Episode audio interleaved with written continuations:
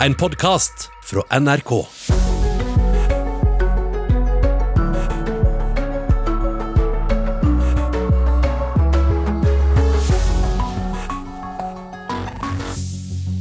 Riktig god morgen. Folkehelseinstituttet jobber intenst med smittesporing. Flere kan være smittet med korona etter utbruddet på Hurtigruten. Men til tross for det store smitteutbruddet om bord i skipet Roald Amundsen, de som jobber i bransjen mener at cruisetrafikk er trygt.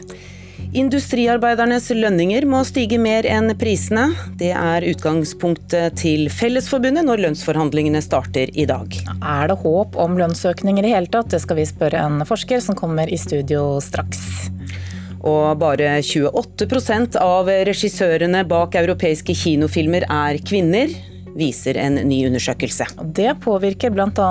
sexscenene du ser på film, mener eksperter. Det er noe av det vi har å by på i Nyhetsmorgen i dag. Jeg heter Kari Ørstavik. Jeg heter Anne Gjertlund Hansen. 36 ansatte og fire passasjerer er smittet med covid-19 etter det store smitteutbruddet på Hurtigruten. Folkehelseinstituttet jobber intenst med smittesporing for å finne ut hvor mange som er berørte. Og reporter Vilde Gjerde Li, hva har skjedd? Her er det snakk om eh, to seilas med skipet Roald Amundsen til Svalbard. Én med 206 passasjerer og den siste med 178 passasjerer. Og Allerede etter den første seglasen så fikk eh, en passasjer påvist smitte. Og fikk, Hurtigruten fikk da eh, beskjed fra Folkehelseinstituttet om å varsle passasjerene, men valgte å ikke gjøre det. Ved den andre seglasen fikk først to ansatte påvist eh, smitte, og da de kom til Tromsø dagen etterpå, så fikk eh, fire ansatte til påvist eh, koronasmitte. De her er da alle innlagt, de fire siste, da, ved Universitetssykehuset i Tromsø. Til nå så er 40 personer stadfesta smitta, men det er fremdeles mange som venter på, på svar på prøvene. Og så er det slik at eh, Politiet skal eh, undersøke om Hurtigruten har brutt loven her. Eh, hvorfor det? Altså, politiet har varsla at de vil undersøke om smittevernlova er brutt. Og grunnen til det er fordi at uh, Hurtigruten lot være å sette ansatte som kom fra utlandet i karantene, og også teste dem for covid-19, som uh, smittevernlova sier at den skal. Det skipet her har veldig mange utenlandske ansatte, uh, de aller fleste fra Filippinene. Og disse her skulle da vært i karantene før de mønstra på. Eh, og da 36, 33 av de 36 ansatte som er smitta, er også da fra Filippinene. Hva skjer dersom Hurtigruten eh, har brutt loven her? Hvis det viser seg å stemme, så risikerer både Hurtigruten og ansatte å få bot. Og om det er enkeltpersoner som har brutt smittevernloven, så risikerer de også fengsel. Eh, Tromsø kommune de har ikke sagt noe om de vil melde Hurtigruta til politiet enda, men eh, Helsedirektoratet de mener at det har vært brudd på smittevernlova. Og så er det slik at eh, Smittesporingen er krevende her. Hvorfor det? Det er fordi at mange passasjerer fra begge eh, seilaser reiste hjem eh, før de fikk beskjed om eh, smitteutbruddet og om å gå i karantene. Det var også utenlandske passasjerer om bord, så den eh, sporinga går da også til, til, til, utlandet. Til nå så er det 69 kommuner som er råka. Eh, det er også fire personer som er tilsatt ved Drammen sykehus, som er satt i karantene etter å ha vært i kontakt med en smitta fra Hurtigruten. Ifølge Folkehelseinstituttet så vil det ta flere uker Eh, før en får eh, oversikt over hvor mange som, som er råka. Takk skal du ha, Vilde Gjerde Li. Til tross for det store smitteutbruddet om bord i Hurtigruten, mener de som jobber i bransjen at cruisetrafikk er eh, trygt. Strenge tiltak og en smittevernveileder fra myndighetene skal i utgangspunktet forsøke å gjøre cruisetrafikken sikker med tanke på smittespredning. Derfor følte Jan Tverråbakk seg trygg da han var med på koronacruiset. Ja, altså, Jeg trodde jo faktisk at det var en liten forsinka aprilspøk, for jeg skjønte jo ikke at det her skulle ha skjedd mens vi har vært om bord. Vanligvis jobber Jan Tverråbakk om bord på Hurtigruta. Men i forrige uke var han på cruiset rundt Svalbard som passasjer. Nå sitter han i karantene på et hotell i Tromsø og er overraska over at det som har skjedd, har skjedd. Hele opplegget lenge før turen starta, så fikk vi inntrykk av at det, her eh, cruiset her, da, som ellers også i Hurtigruten, så tar de det på høyeste alvor. Det å drive cruisetrafikk i disse tider er ikke det samme som det pleide å være. Strenge retningslinjer skal forsikre om at det skal være trygt for både passasjerer og ansatte, forteller fagdirektør i Helsedirektoratet, Karin Straume. Det er laget en stor veileder for smittevern på cruiseskip eh, som eh, inneholder detaljert informasjon om hvordan man skal forholde seg i forhold til måltider, innkvartering og mange forskjellige forhold eh, under et cruise. Stian Grøthe, som er direktør for politikk og myndighetskontakt i Norsk Sjømannsforbund, forventer at mannskap på norske skip følger disse retningslinjene. Opererer jeg i Norge, så må jeg følge råd fra norske myndigheter. og de faginstansene som, eh, som da kommer med råd og anvisninger. Det er vår klare oppfordring, og det forutsetter vi jo. Og går ut ifra og tar det som en selvfølge at alle rederi gjør det. Så Jan Tverrobakk var ikke særlig bekymra for at det som har skjedd, skulle skje. Nei, jeg hadde jo ingen grunn til det, for man hadde jo ikke noen mistanker. Man hadde ikke hørt at det skulle være noen sjanse for at det skulle forekomme. Reporter her, det var Carl Biel.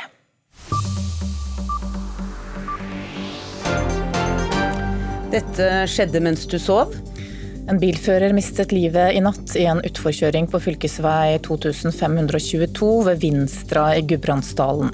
Politiet fikk melding om ulykken like før klokka to i natt. Veien forbi ulykkesstedet ble stengt, og politiet foretok i natt åstedsundersøkelser der. Ulykkesgruppen i Statens vegvesen ble også tilkalt. Redningsmannskaper har i natt lett etter en båt og en fører som er meldt savnet på Mjøsa. Båten ble sist sett ved Helgøya, og både redningsskøyte og et redningshelikopter deltar i søket. Det er registrert 15 nye tilfeller av koronasmitte her i landet det siste døgnet. Det viser foreløpige tall fra Folkehelseinstituttet som ble offentliggjort ved midnatt. Til sammen er det registrert 9268 tilfeller av koronasmitte i Norge. I hele verden er det påvist eh, over 18 18 millioner bekreftede tilfeller av koronaviruset. Over halvparten av disse er eh, registrert i eh, USA, Latin-Amerika eller Karibia, ifølge nyhetsbyrået AFP. Og dette får du vite mer om hvis du følger med på NRK Nyheter i dag. I dag starter lønnsoppgjøret opp igjen, etter å ha blitt utsatt eh, da koronarestriksjonene ble innført i midten av mars. Først ut er industrien, kjent som frontfagene. Oppgjøret der fungerer ofte som en rettesnor for de andre lønnsoppgjørene. Forhandlingsdelegasjonene til Norsk Industri og Fellesforbundet møtes klokka 13, og klokka 13.15 holder de en felles pressekonferanse. Det kan du følge her i NRK. Og pressekonferanse blir det også i Moss i dag, der om koronasituasjonen. Pressekonferansen kan du følge her i NRK Nyheter fra klokka 13. I forrige uke ble det kjent at 24 personer er koronasmittet i Moss. Flere av tilfellene kan spores tilbake til en bryllupsfeiring. Og på fredag døde en person ved et omsorgssenter i kommunen, og dødsfallet settes i forbindelse med bryllupsfeiringen. Industriarbeidernes lønninger må stige mer enn prisene. Det er utgangspunktet til Fellesforbundet når lønnsforhandlingene starter i dag. Egentlig skulle lønningene gått ned, er beskjeden de blir møtt med fra Norsk Industri. Arbeidsgiverne mener nemlig at industrien ikke har noe å gi. Hydro, som leverer aluminium til kriserammede industri verden over, håper partene tar inn over seg alvoret i markedssituasjonen. Vi ser jo at den globale markedssituasjonen fortsatt er usikker med en kort horisont. Eh, og dermed så er jo inntjeninga framover eh, fortsatt usikker, eh, sånn som vi ser det. Det sier Halvor Molland, som er informasjonsdirektør i Hydro. Krise i verdensøkonomien generelt, og bilindustrien spesielt, rammer nemlig Hydro hardt. Overskuddet deres ble nemlig mer enn halvert fra første til andre kvartal. Vi har jo tiltro til at partene i lønnsoppgjøret har tatt inn over seg det alvoret i den situasjonen som både vi og svært mange andre norske bedrifter er i. Fellesforbundet kommer ikke med tall på hvor mye mer de vil kreve i lønn, men forbundsleder Jørn Eggum sier at folk må beholde kjøpekrafta. Det vil si at lønninger må stige mer enn prisene. Han legger til at store deler av industrien faktisk har klart seg greit. Det er ikke tvil om at eh, Fellesforbundet kommer til å passe nøye på at dette oppgjøret ikke gjør sånn at eh, arbeidsgiverne og kapitaleierne skal ta ut eh, store utbytter, og vi skal vise moderasjon. Kjøpekrafta blir bevart med et nulloppgjør, argumenterer Stein Lier Hansen, som er leder i Norsk Industri med. Han peker på at lønnsoverhenget fra i fjor er på 1,2% altså dvs. Si hvor mye vi har igjen fra lønnsoppgjøret i fjor. I tillegg så har vi lav prisvekst, og renta er kutta til null. Han har derfor en klar beskjed. I år har vi ingenting å gi. Eh, egentlig så skulle vi heller ha redusert eh, lønningen i Norge for å opparbeide en bedre konkurransekraft. Eh, og jeg forventer jo at motparten på en måte har en virkelighetsforståelse rundt det som er i tråd med faktum. Eggum erkjenner at deler av industrien er i en vanskelig posisjon, og at Fellesforbundet har som mål å komme gjennom oppgjøret uten streik. Men han legger til at det er flere vanskelige saker på agendaen. Det er langt mer enn kroner å gjøre som skal forhandles om. Det er, år, det er fire år siden sist vi har gjort endringer i overenskomsten vår. Så Vi har mange tekniske krav, og så vil vi være veldig tydelige på at vi skal endre bestemmelsene knyttet til eh, de som jobber i Nordsjøen på offshorebilaget vårt. Også Lier Hansen sier at det er sånne krav som blir de mest kompliserte. Han frykter at endring i overenskomsten, altså alt fra overtidstillegg til pensjon, vil gjøre det dyrere for alle som kommer etter. Men vi vil også advare mot det, fordi at frontfaget skal også skape en standard for alle oppgjør som nå kommer etter oss. Og Da må vi være veldig forsiktige med å åpne eh, lommeboka og åpne overenskomsten for endringer. For da vil alle som kommer etter oss kunne argumentere for nøyaktig det samme, og i sum vil det koste penger. Reportere her var eh, Fredrik Kampevold og Johan B. Settem. Årets eh, lønnsoppgjør ble jo så mye annet utsatt pga. Eh, koronapandemien. Kristine Nergård, forsker i Fafo, god morgen. God morgen. Du, hvilken betydning får det for lønnsoppgjøret at det ble utsatt? Hva slags oppgjør blir dette her? Det blir nok et veldig moderat oppgjør. og det at det blir ut, altså Vi sitter jo nå i en helt annen økonomisk situasjon enn da partene opprinnelig la fram sine krav i februar. Eh, så det blir ikke lønns, stor lønnsvekst i år, det kan vi være ganske sikre på. Mm, men den økonomiske situasjonen for de forskjellige bransjene er jo ganske ulik da, etter disse månedene med korona? Ja, og i eh, privat sektor så er det jo sånn at det forhandles både på sentralt nivå og på lokalt nivå. Og det betyr at eh, bedrifter som går godt, der er det jo mulig å ta ut eh, høyere lønn gjennom lokale forhandlinger. Så vet vi at enkelte yrkesgrupper i løpet av denne koronatiden har fått økt status, som f.eks. sykepleiere og renholdere. Er det grunn til at dette kommer til å gi utslag i dette oppgjøret? Tror ikke det kommer til å gi noe utslag i dette oppgjøret. Eh, selv om man sånn, sikkert gjerne skulle sett det, så er det ikke den type argumenter nå som legges til grunn i lønnsforhandlingene. Og den ramma som ble lagt av frontfaget, den kommer nok til å bli fulgt ganske strengt av arbeidsgiverne, særlig i offentlig sektor. Men Har det noe å si da om f.eks. sykepleierne får litt mer enn andre i år?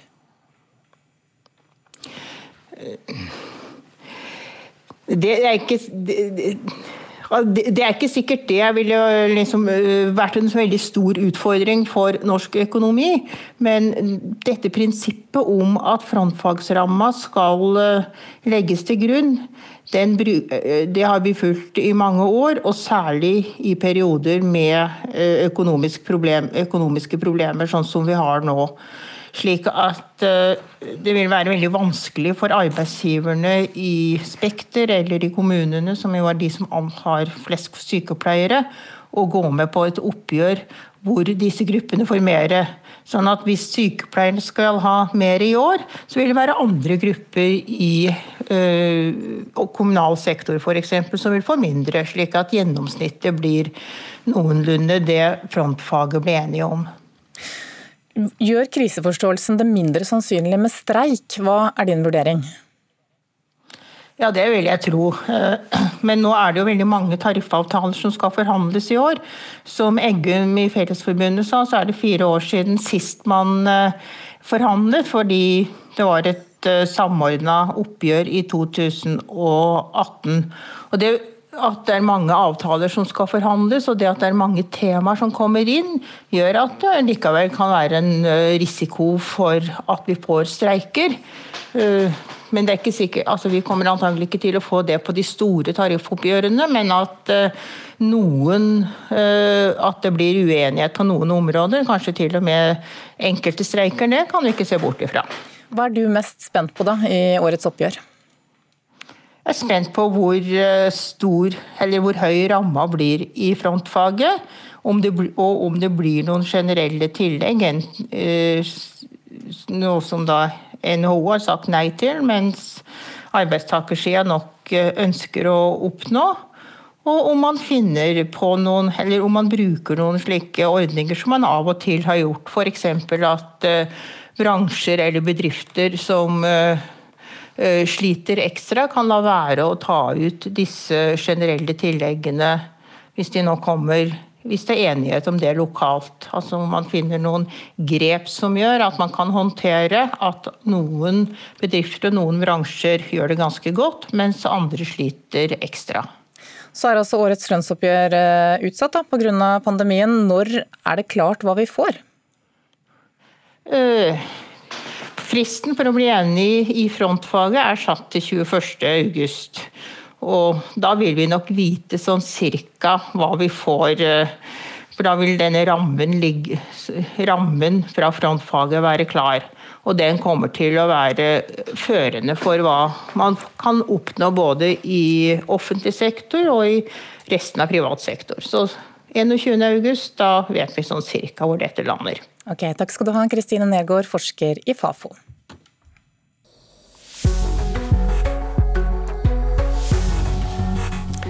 Klokka er snart 7.20. Du hører på Nyhetsmorgen.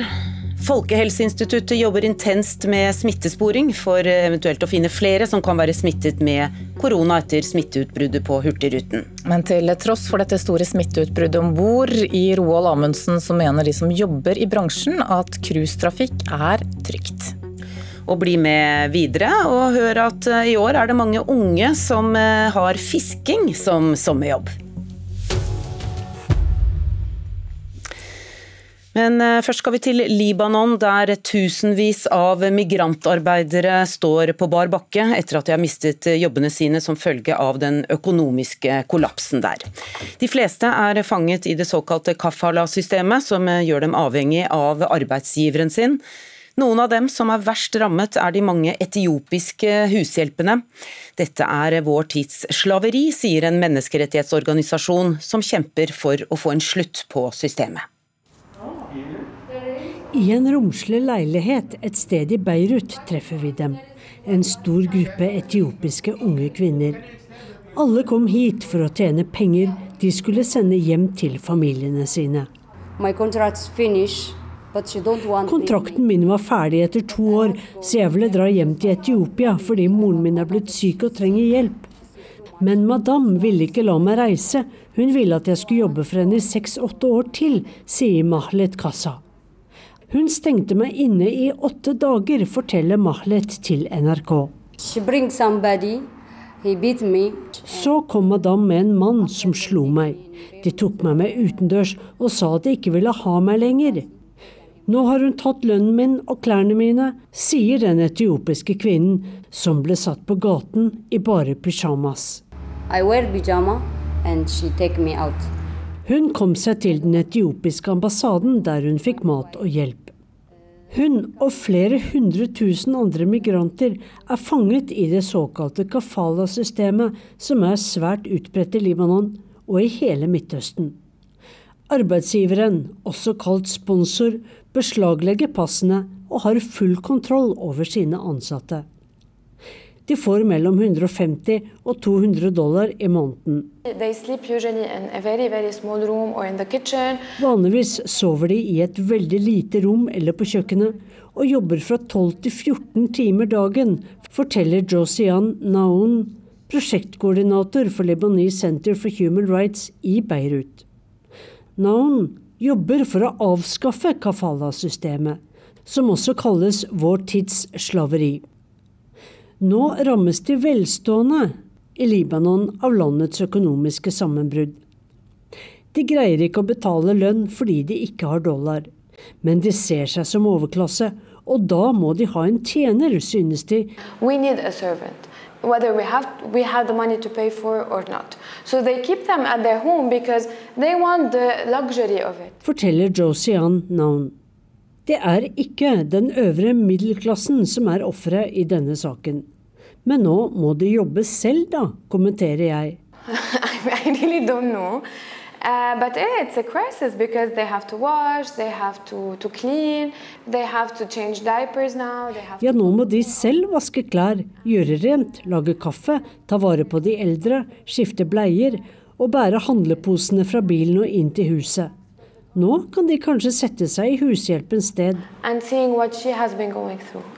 So.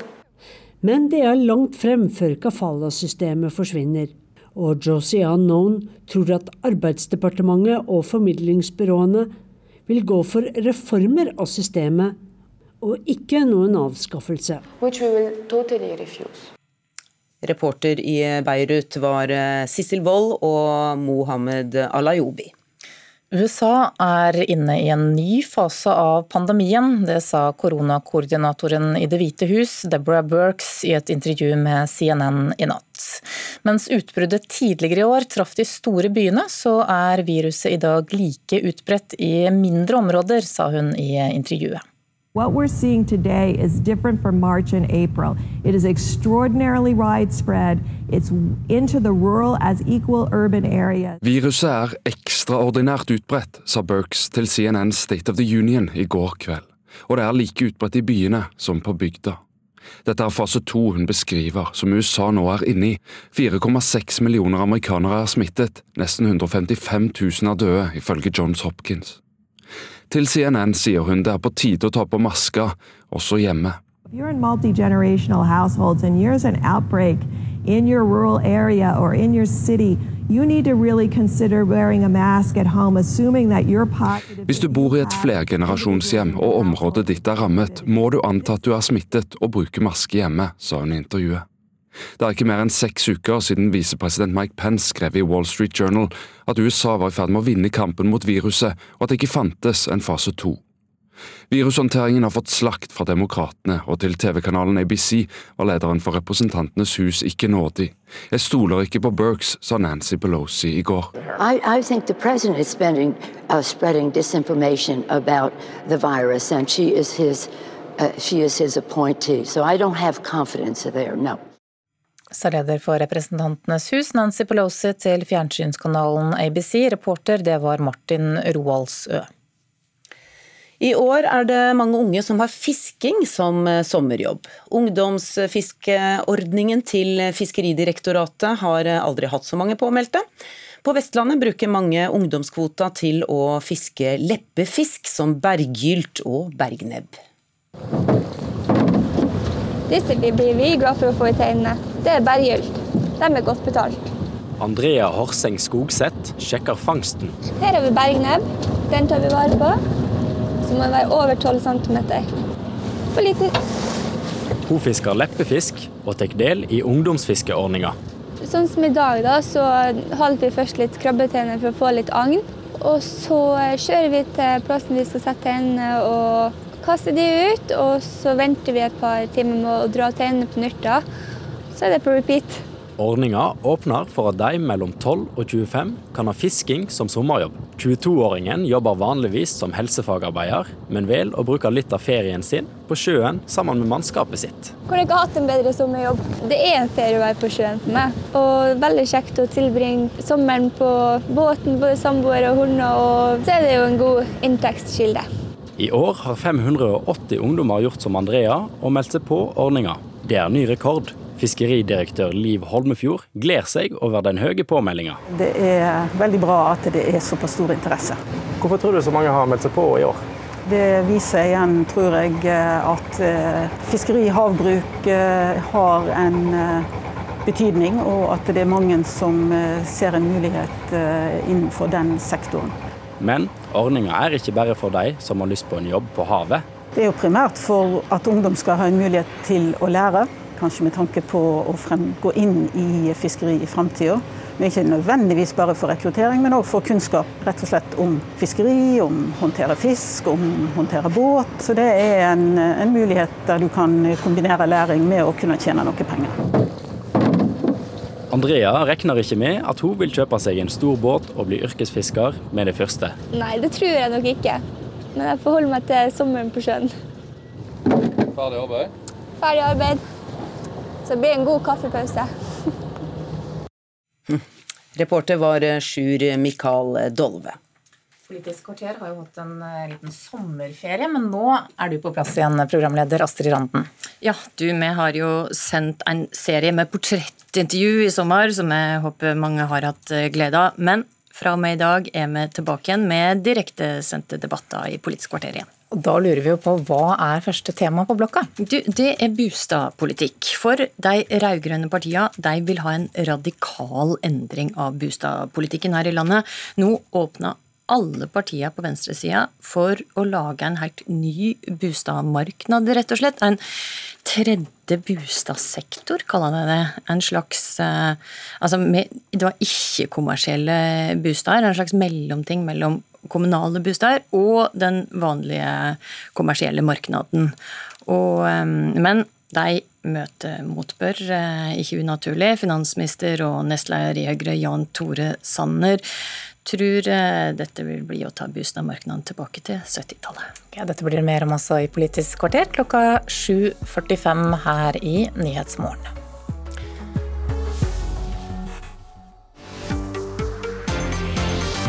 Jensen er formelt pågrepet på bakgrunn av en beslutning fra meg. I am mobilizing all available federal resources, civilian and military. I praksis åpner vi nå for at nordmenn kan reise til stort sett hele Norden uten å pålegges karantene. Dagens tre viktigste nyheter på syv minutter. Fra klokka 15 mandag til fredag i appen NRK Radio.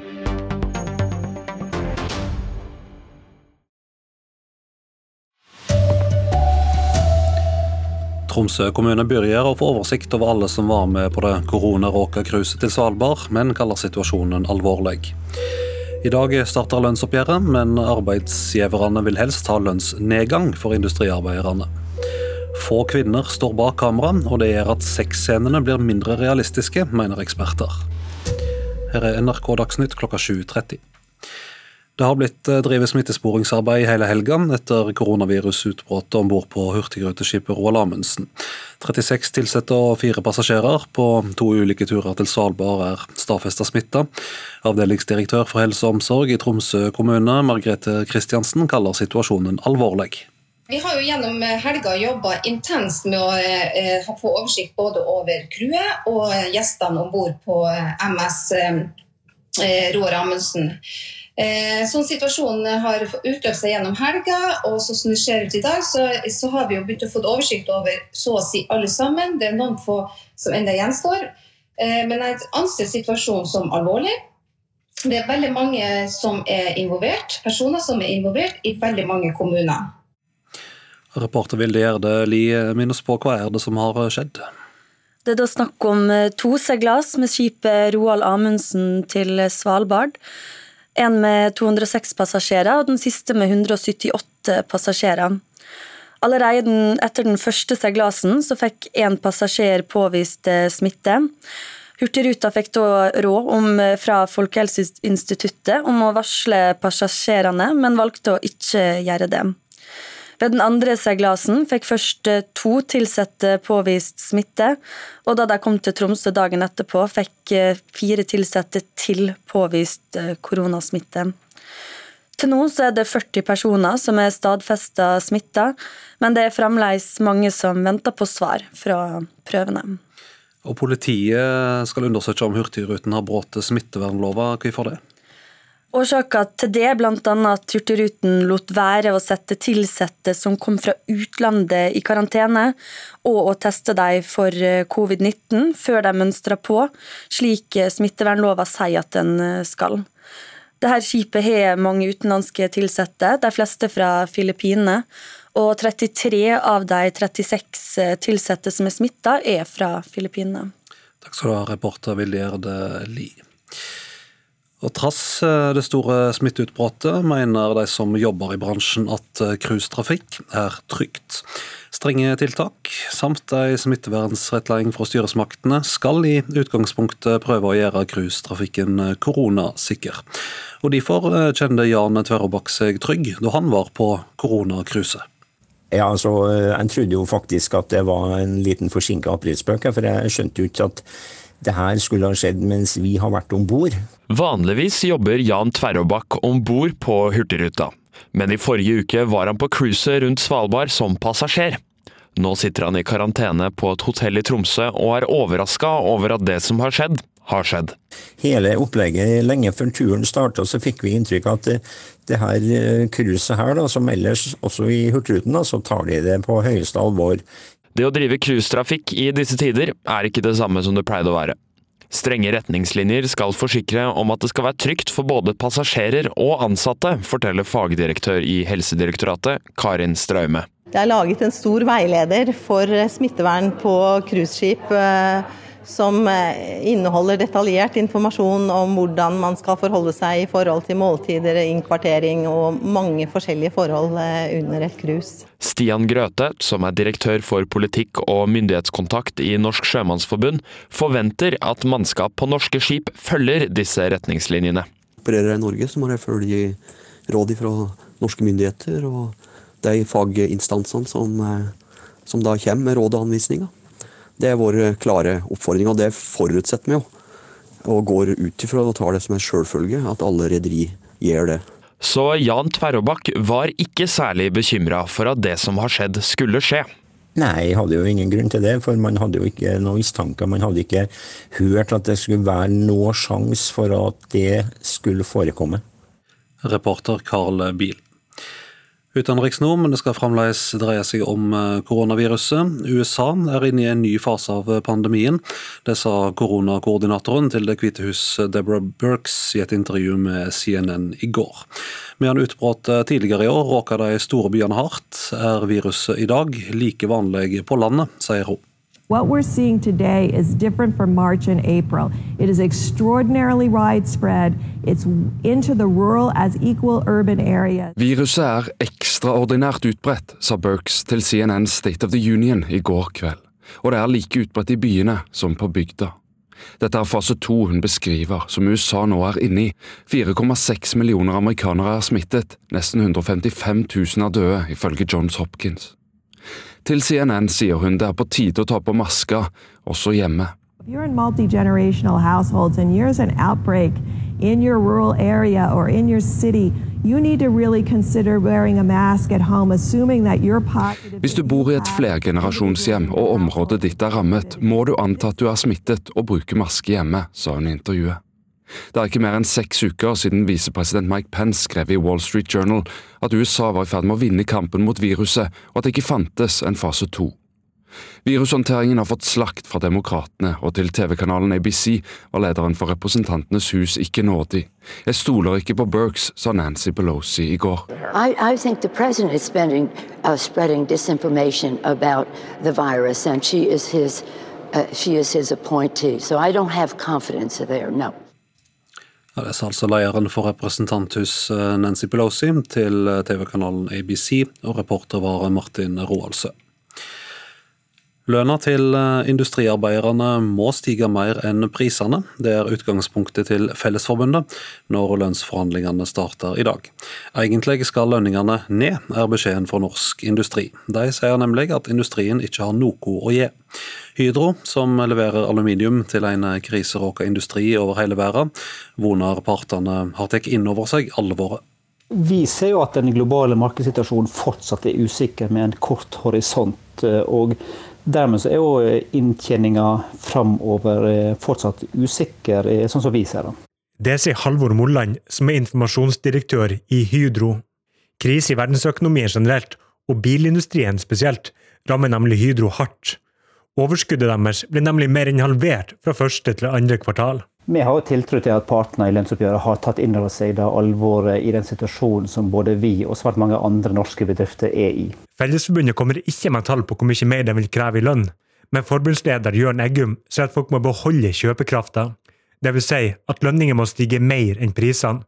Han legger til at store deler av industrien faktisk har klart seg greit. Det er ikke tvil om at eh, Fellesforbundet kommer til å passe nøye på at dette oppgjøret ikke gjør sånn at eh, arbeidsgiverne og kapitaleierne skal ta ut eh, store utbytter, og vi skal vise moderasjon. Kjøpekrafta blir bevart med et nulloppgjør, argumenterer Stein Lier Hansen, som er leder i Norsk Industri med. Han peker på at lønnsoverhenget fra i fjor er på 1,2% altså dvs. Si hvor mye vi har igjen fra lønnsoppgjøret i fjor. I tillegg så har vi lav prisvekst, og renta er kutta til null. Han har derfor en klar beskjed. I år har vi ingenting å gi. Eh, egentlig så skulle vi heller ha redusert lønningene lønningen i Norge for å opparbeide en bedre konkurransekraft. Eh, og jeg forventer jo at motparten på en måte har en virkelighetsforståelse rundt det som er i tråd med faktum. Leder i Norsk Industri Stein Lier Hansen, reportere Fredrik Kampevold og Johan B. Settem. Bare én av fem regissører bak europeiske kinofilmer er kvinner. Det syner en ny undersøking. Og det påvirker bl.a. sexscenene i film og serier, mener eksperter. F.eks. en kvinne som tar en dusj, um, og så får man en, en litt uh, erotisert scene som egentlig ikke betyr noe i selve handlingen. Professor i medievitenskap ved NTNU, Anne Gjelsvik, peker på amerikanske forskere som har sett på hvor mye nakenhet det er i film. Finner man nettopp også noe av det her at kvinnekroppen eh, vises mer. ikke sant? Så det er lengre og flere scener med nakne kvinner i film enn det av menn. En av de mest populære TV-seriene denne sommeren, nemlig Normal People, hylles for sine realistiske sexscener. Yeah. Yeah, Store deler av serien er laga av kvinner, i motsetning til mange andre filmer og TV-serier. Det viser en undersøkelse gjort av The European Audiovisual Observatory, der det kommer frem at kun 22% av europeiske kinofilmer mellom 2015 og 2018 hadde kvinnelig regissør. Reporter Henriette Bertheussen Isaksen. Ansvarlig for sendinga Jan Erik Bjørnskaug. I studio Vidar Eidhammer.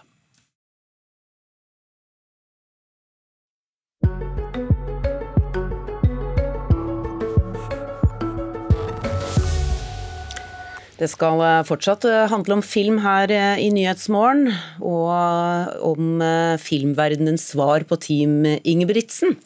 For filmskaperne Silje Salomonsen og Arild Østin Ommundsen er det å lage film blitt en livsstil og en familiegreie. Nå har ekteparet laget sin første barnefilm med døtrene Billy og Vega i hovedrollen. Hvordan blir det å vise filmen for mange andre, da? Flaut. Skummelt. Og gøy. Har de kjent litt på det nå? Eller jeg tror vi har kjent litt på det nå, altså. For Billy på seks og Vega på ti er det godt å holde i hånda til mor Silje Salomonsen og far Arild Østlin Amundsen når de for første gang skal vise filmen de har laga for et publikum i en kinosal. Så Vil du si noe, Vega? Jeg vil si god fornøyelse. Ja. Bra. Et bursdagsselskap i Sandnes får eksklusiv forhåndsvisning av den nye barnefilmen 'Tottori sommeren vi var alene'. Skal jeg fortelle historien om den sommeren vi gikk oss vill? Den sommeren pappa datt ned i et hull, og mamma bare sov og sov. Den sommeren lillesøstera mi ble til en superhelt. Hva skal du ha på skiva? Én av to skiver. I to år har de laget barnefilm sammen. Hjemme som på jobb har mor og far regien, mens det er Billy og Vega som har hovedrollene. Og nå har det jo på en måte blitt litt som en, en annen familie som holder på med golf, eller eller Ingebretsen-familien er godt eksempel, ja, ja. egentlig. Jeg tenker Du, liksom, du er Gjert. Jeg er Jeg er mor. Og ungene er selvfølgelig ungene. Ja. Nei, men Det er en ganske god parallell, egentlig. Det er jo en livsstil. Er nødt, alle er nødt til å være med på det. Eller du kan bare lese inn. Headsetet står ikke i. Vega har fortellerstemmen i filmen. Hun er den ansvarlige og systematiske storesøstera som ordner opp, både hjemme og i filmen. Uh, det er gøy, og det kan være Av og til så er det vanskelig å spille med Billy. Uh, av og til så vil hun ikke, liksom. Men det har vært mest gøy. Her er da kontoret til pappa. Og her er liksom kostymet mitt. Jeg har to vinger. Billy har allerede vokst fra superheltkostyme fra filmen. Hun er eventyreren, skøyeren. Begge typene trengs når livet byr på utfordringer. Det var gøy og litt stressende noen ganger. Jeg syns Elin virker dødskoselig. Det er snart 20 år siden Silje spilte i Arilds gjennombruddsfilm 'Mongoland'. Nå er de gift, og de siste filmene 'Eventyrland' og 'Now It's Dark' har de jobbet fram sammen. Jeg tror ikke det hadde blitt noe av hvis ikke jeg hadde hevet meg på regisida heller, fordi da hadde du ikke orka. Nei, De filmer og gjør alt sjøl når de vil og når det passer. Det er økonomisk effektivt og givende, men også krevende når familie og jobb ikke kan skilles fra hverandre. Hvis vi hadde slitt i bånn, så tror jeg vi hadde vært skilt etter denne innspillingen. Men uh, det er vi ikke, så det må være et eller annet fundament. Jeg skriver under på det, faktisk. Ikke slipp taket, pappa! Litt skummel, men Tottori 'Sommeren vi var alene' har seksårsgrense og to annerledes superhelter. De virkelig bra filmene som du elsker å se sjøl, og som du har lyst å gi til ungene dine, og som du husker godt, og som du lever og vokser opp med og fortsatt liker når du er voksen, de er det ikke så mange av. Så vi hadde lyst til å prøve å lage en sånn en, da. Ja, vi tok rett og slett eh, sikte på å lage en eh, klassiker i sjangeren.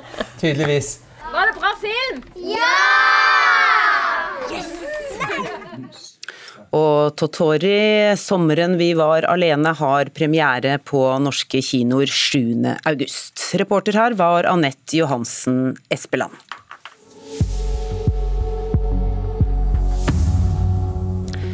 Situasjonen er alvorlig, men vi begynner å få oversikt over alle som var med på koronarammede cruiset til Svalbard, sier Tromsø kommune.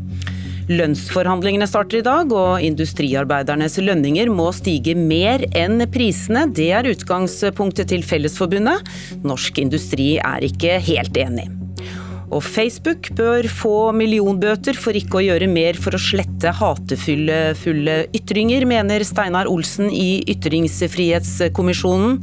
Ytringsfrihetsekspert Anine Kierulf svarer på dette etter klokka åtte. Men nå først Politisk kvarter ved Astrid Randen.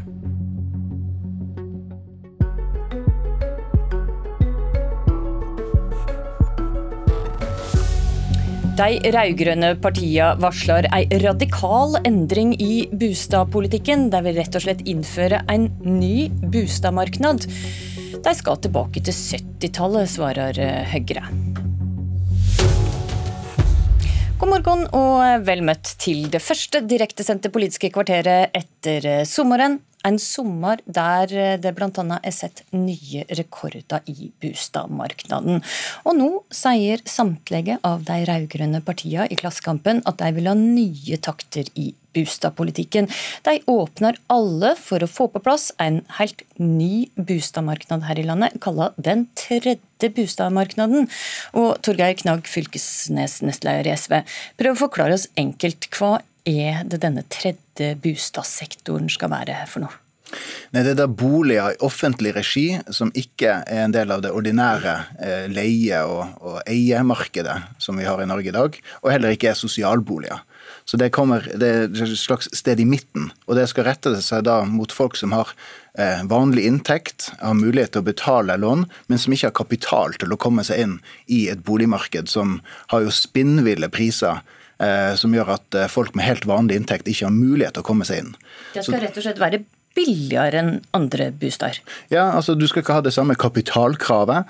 Det skal være ulike former for innganger i boligmarkedet og i leiemarkedet som gjør at det er mulig for alle disse folka her å komme seg ordentlig inn og få seg en trygg sted å bo eh, som de kan betale sjøl. Hvem skal betale for at noen da skal slippe lettere til på boligmarkedet?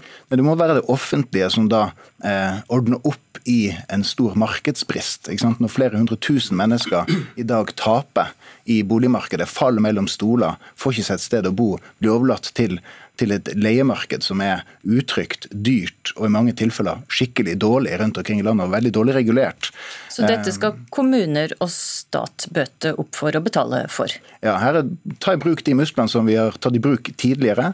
Ta i bruk Husbanken, som, eh, som kan brukes aktivt her for å både sette i gang eh, kommuner, eh, boligselskapene, altså boligbyggelag.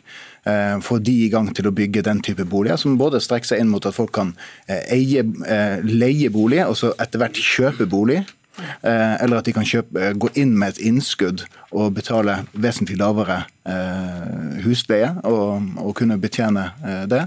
Eh, men også få ikke-kommersielle utleieordninger som gjør at man kan få orden på det dårlige utleiemarkedet i dag. Det er akutt behov, for dette er jo en stor forskjellsmaskin i Norge i dag, boligmarkedet.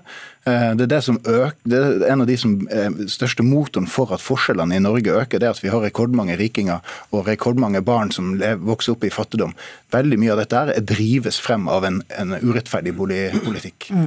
Siri Gåsmyr Staalesen, bostadpolitisk talsperson i Arbeiderpartiet. Også Ap åpna for å få på plass en tredje boligmarked. Når du hører på SV her, vil det det samme, så mener det det samme med en eh, tredje boligmarked som det Fylkesnes eh, gjør? Ja, Tankene om den tredje boligsektoren er jo i støpeskjeen i Norge. Dette er ikke en sektor vi har hatt her, og det er mange kommuner som jobber på ulike måter. Men det aller viktigste for Arbeiderpartiet er jo at folk skal eie egen bolig. 80% av oss gjør det, og det ønsker ikke vi å endre på. Men med den prisvekten som vi ser, så vet vi at unge sliter i pressområder, og mange er helt avhengige av foreldrebanken for å komme inn i boligmarkedet, og det mener vi er urettferdig. Og vi og altså er enige med SV at dette er en ulikhetsdriver som er uh, urimelig. og dette skal altså kommunene betale, kommuner og stat skal betale for at, at noen skal slippe lettere inn på boligmarkedet. Hvor mye penger er det villig til å sette til både kommuner og stat da, for at de skal kunne kjøpe opp og, og drifte med masse eiendom? Nei, Vi skal jo utvikle dette arbeidet i programarbeidet. Men vi har sagt at vi ønsker at stat eller kommune skal gå inn og være en aktiv part. Det har vi sagt i Stortinget denne våren, og vi har sagt det på, i landsmøtet vårt i 2009 at vi ønsker at kommunene skal legge til rette for rimelig bolig for førstegangsetablerere. Men sånn hvor mye, penger er det villige til å, hvor mye penger er det villige til å sette av? For, for dette kommer jo til å koste enorme summer. At kommuner skal begynne å kjøpe opp leiligheter, og at staten skal begynne å kjøpe opp leiligheter. Ja, Ta f.eks. Oslo kommune, da, som nå har sagt at de ønsker å utvikle 1000 rimelige boliger med oppstart fra 2030. De har satt av 4 millioner i utviklingsmidler eh, til neste år for å få på plass den boligmodellen. Det er et helt konkret beløp. Det vi har sagt Du får ikke så mye bostad for 4 millioner? Nei, men Det vi har sagt i våre alternative statsbudsjett, da, det er at, uh, at, vi har pekt på det at regjeringspartiene har bygget ned Husbanken.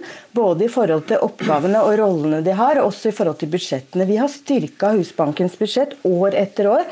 Senest nå i den siste krisepakka, hvor vi sa at, at eh, startlånsordningen, som vi styrka med jeg tror det var 5 milliarder, skulle brukes for å gi lån til førstegangsetablerere. Så vi har vært villige til å bruke mer penger i våre alternative budsjett. Men dette her, med tredje boligsektor, er altså i støpeskjeen. Og det er, er, er vanskelig å si da, hva f.eks. Oslo kommune skal bruke for disse nye prosjektene. De har lagt opp til tre nye veier inn i boligmarkedet for ungdom. Ok, Det er vanskelig å si hvor mye penger det vil Nei, forstår det vanskelig å si foreløpig. Jan Tore Sanner, nestleder i Høyre og finansminister. Det blir stadig vanskeligere for unge å komme seg inn på boligmarkedet. Kan en tredje boligsektor være en vei å gå? Heldigvis så har vi et uh, velfungerende boligmarked i, i Norge. Åtte av ti eier sin egen bolig. Det er en viktig verdi i Norge at flest mulig har mulighet til å eie sin egen bolig. Så er det helt riktig at eh, noen grupper har utfordringer på boligmarkedet. Derfor så har vi en storsatsing på det vi kaller fra leie til eie, hvor man bruker en kombinasjon av startlån og bostøtte. Det bidrar til at mange som har vært i en krevende bosituasjon, kan komme inn i en eiersituasjon. Når det gjelder tredje boligmarked, så eh, altså SV er jo veldig tydelig. De ønsker flere reguleringer, høyere boligskatt en typisk måte for venstresiden å løse utfordringer i alle markeder. Eh, Arbeiderpartiet er mer uklare på hva de legger i det. Eh, jeg tror ikke... Ja, du sa jo akkurat Gåsmyr Staalesen at hun er ganske enig i hvordan den tredje boligmarkedet kan fungere med SV. Ja, Det hun, det hun sa var at, at nå, nå, er dette i støpeskjeen. Vel, vi kjenner dette fra, fra 70-tallet, hvor du da fikk penger under bordet, du fikk et grått boligmarked. Jeg tror ikke at en storstilt satsing på det de kaller for tredje boligsektor at det vil løse de problemene man er ute etter å løse. Det kan bidra til at kommunen driver opp prisene i boligmarkedet hvis kommunen skal gå inn og kjøpe mange små og mellomstore leiligheter. Det kan bidra til at en del husholdninger kommer i en, en form for boligfelle hvor du ikke kommer inn i det ordinære boligmarkedet. Og vi har sett boligskandaler, bl.a. i Oslo tilbake i 2017. slik at, eh, at, dette er ikke et verktøy som jeg tror vil løse de store utfordringene. Derimot, okay, det, var flere, derimot, det var flere innvendinger som jeg skal ta. Vi begynner med det, Siri Gåsmyr Staalesen. Altså, Sanner hevder her at et, denne type boligmarked kan føre til at det blir penger under bordet, og at en faktisk driver opp boligprisene med at kommunene skal gå inn og være store oppkjøpere av bolig. Det som er viktig, er jo å finne løsninger nå for de ungdommene som står uten foreldrebanken i ryggen. Ja, det er vel de, alle enige om, men, men ta disse utfordringene. Ja, Det vi ser da, det er at, eller det vi mener er at denne tredje boligsektoren skal ikke erstatte eierlinja i norsk boligpolitikk. Det Nei, har Arbeiderpartiet no, kjempa for i 100 år, så dette skal være et substitutt. Det er eh, men du, nå var vi opptatt av små, prosje små prosjekter altså, i Oslo. Ok, men Nå var vi opptatt av, av det mulige problemer med denne tredje boligsektoren, som Sanner peka på da. Penga under bordet og at det kan drive opp prisene. Ser du faren for det, Fylkesnes? Altså, Det som driver prisene i dag, det vi vet eh, som driver frem priser i dag, det er jo spekulasjon. Eh, det ble gjort en beregning noen år tilbake som viste at eh, prisen i boligmarkedet rundt 15% kunne, kunne forklares med spekulasjon. Altså at eh, privatpersoner og andre eh, plasserer penger i boligmarkedet fordi at det er så ekstremt lukrativt å plassere penger der. Der er det jo skattesubsidier. Har du allerede kommet inn i denne sektoren her? Kan ikke det at kommuner og stat skal gå inn og kjøpe opp masse bostader bostader også føre til auka priser? Ja, Det kan det. Det, jo, det, må man jo være helt eh, ærlig på. Derfor, man, derfor, er det helt avgjørende at man må gjøre to ting. og Det er det jeg er inne på. Man må redusere muligheten for spekulasjon. Og så må man da samtidig åpne inngangsbilletten for boligmarkedet. Altså I Oslo i dag eh, så er det eh, mellom 30 og 40% av nye boliger blir solgt til folk som ikke skal bo der. Altså, Det viser bare det, den situasjonen vi er i. Det Til tross for at man har gjennomført ganske tøffe tiltak eh, for å stoppe det, så er det fortsatt såpass lukrativt for folk å investere i det. Så man må redusere spekulasjonsmuligheten, og så åpne inngangsbilletten for eh, unge folk og de som faller mellom stolene i, i, i markedet. Og Det kan du kun få til ved en blanding av ulike typer tiltak her. Eh, og Da kan, oss, da kan det, det, bli mulig for ungdom å faktisk komme seg inn i, i boligmarkedet. Jeg er enig i at vi trenger flere ulike tiltak. Men svaret er ikke at kommunen skal gå inn og kjøpe opp leiligheter i, i byen. Storstilt oppkjøping. Eh, kommunen bør bruke sine penger til å bygge skoler, sykehjem, idrettshaller, og ikke storstilt oppkjøp av boliger. Derimot så må kommunen sørge for at du har små og mellomstore leiligheter som nettopp er tilpasset unge på boligmarkedet. Flere kommuner bør føre en mer aktiv boligsosial politikk. Eh, små, vi, små, kjipe leiligheter? Nei, nei, det det ditt små, svar? Små, kjipe leiligheter. Mange små leiligheter er kjempefine. Jeg startet selv i en liten, liten leilighet. og Flere kommuner bør legge bedre til rette for ungdom. Men så trenger vi også en aktiv boligsosial politikk fra myndighetenes side. og Da er det jo nettopp kombinasjonen av startlån og bostøtte som vil bidra til at flere kan gå fra leie til, til eie. Gåsmyr Staalesen, har du eh, trua på Sanner eh, og hans løsning på problemet? Nei, altså Hva er det regjeringen egentlig har gjort for at vi får bygd flere boliger de siste sju åra de har styrt? Det er ikke særlig mye. Han snakker om små leiligheter. Det mener jeg er helt vei, feil vei å gå. Det er jo ikke viktig at man skal være så ung som mulig når man kjøper seg leilighet. Eh, og det å tilby 20 kvadratmeters leiligheter til studenter er ikke viktig politikk for Arbeiderpartiet. Det som er viktig for Arbeiderpartiet, er at vi får bygd gode boliger for unge når de skal, eh, er i etableringsfasen i livet. Eh, og med små leiligheter, å åpne opp for at man bygger flere små, trange leiligheter med lite lys i Oslo, er absolutt ikke løsningen for det. Mm.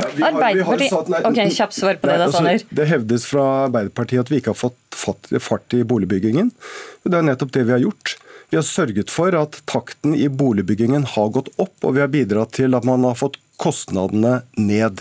Det er veien for å få flere Vi må få flere boliger på markedet, slik at prisene også kan gå ned. Og i tillegg, okay. i tillegg, så, i tillegg så, har vi også satt en... sitt ungdomsparti, AUF, vil ha auka nasjonal eiendomsskatt og gjøre frådraga på bostader langt mindre gunstig. Hva tenker det i moderpartiet om dette, Staalesen? Nei, Støre har jo vært helt tydelig i VG forrige uke, hvor han avviser en nasjonal obligatorisk eiendomsskatt. Og vi mener jo at vi ikke skal skattlegge folks hjem. Men så sier jo AUF at vi må se på skattleggingen av bolig for dem, eh, de som eier boliger de ikke bor i selv. Og det mener jeg at det er en debatt som vi skal ta. Og så håper jeg det er en debatt som vi kan ta med innestemme. For fagfolk, økonomer og professorer sier jo, har jo sagt i tiår på tiår at dette er mer, og mer rettferdig. Da må du avklare hva Arbeiderpartiet Arbeiderpartiet faktisk mener. fordi at vi har økt skatten på det man kaller for sekundærbolig, altså en bolig som folk ikke bor i. Og Det er nettopp for å unngå spekulasjon. Der har vi redusert det du kaller for, eh, for, for, for rabatten i, i formuesskatten eh, til 10 er det, Har det verka? Blir det mindre spekulasjon etter denne uken? Det blir i hvert fall mindre attraktivt å investere i bolig nummer to og tre. og Der er jeg enig både med Arbeiderpartiet og SV at vi må unngå boligspekulasjon. og Derfor så har vi også bidratt til at det er blitt høyere skatt på bolig nummer to og tre.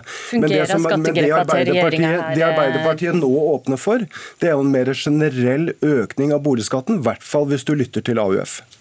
Ja, Arbeiderpartiet har sagt nettopp at vi ikke ønsker det. Men det er fint at Sanner nevner denne skatten på sekundærbolig, for det var jo noe Arbeiderpartiet klarte å fremforhandle med de borgerlige partiene i skatteforliket i 2017. Så det er jo en seier som vi deler med, med de borgerlige partiene, som de borgerlige partiene gjennomførte etter at vi fikk gjennomslag for det i Stortinget. Fylkesnes, jo... er det sånn at det har verka det grepet som regjeringa har gjort med å øke eh, skattebyrden på sekundærbolig? Det er jo veldig vanskelig å se. Du ser jo Prisveksten har jo ikke blitt påvirka av det. så Det har jo ikke vært en, en endring som faktisk har monna i det særlig stor grad. Eh, det er fortsatt ekstremt lukrativt å investere i, i, i bolig. Og så er det jo flere ting Sanner her sier som, som er, litt spesielt. for det uh, Som startlån, som var retta mot ungdom i etablererfasen. det var noe som ble fjerna i 2014. Um, og Det har jo vist seg å gå, det kombinert med strengere krav til kapitalbehov for ungdom, har jo gjort det vanskeligere for ungdom å komme inn. Og Det har man ikke vært villig til å gjøre noe med. Det har vi foreslått for hvert budsjett som vi har hatt.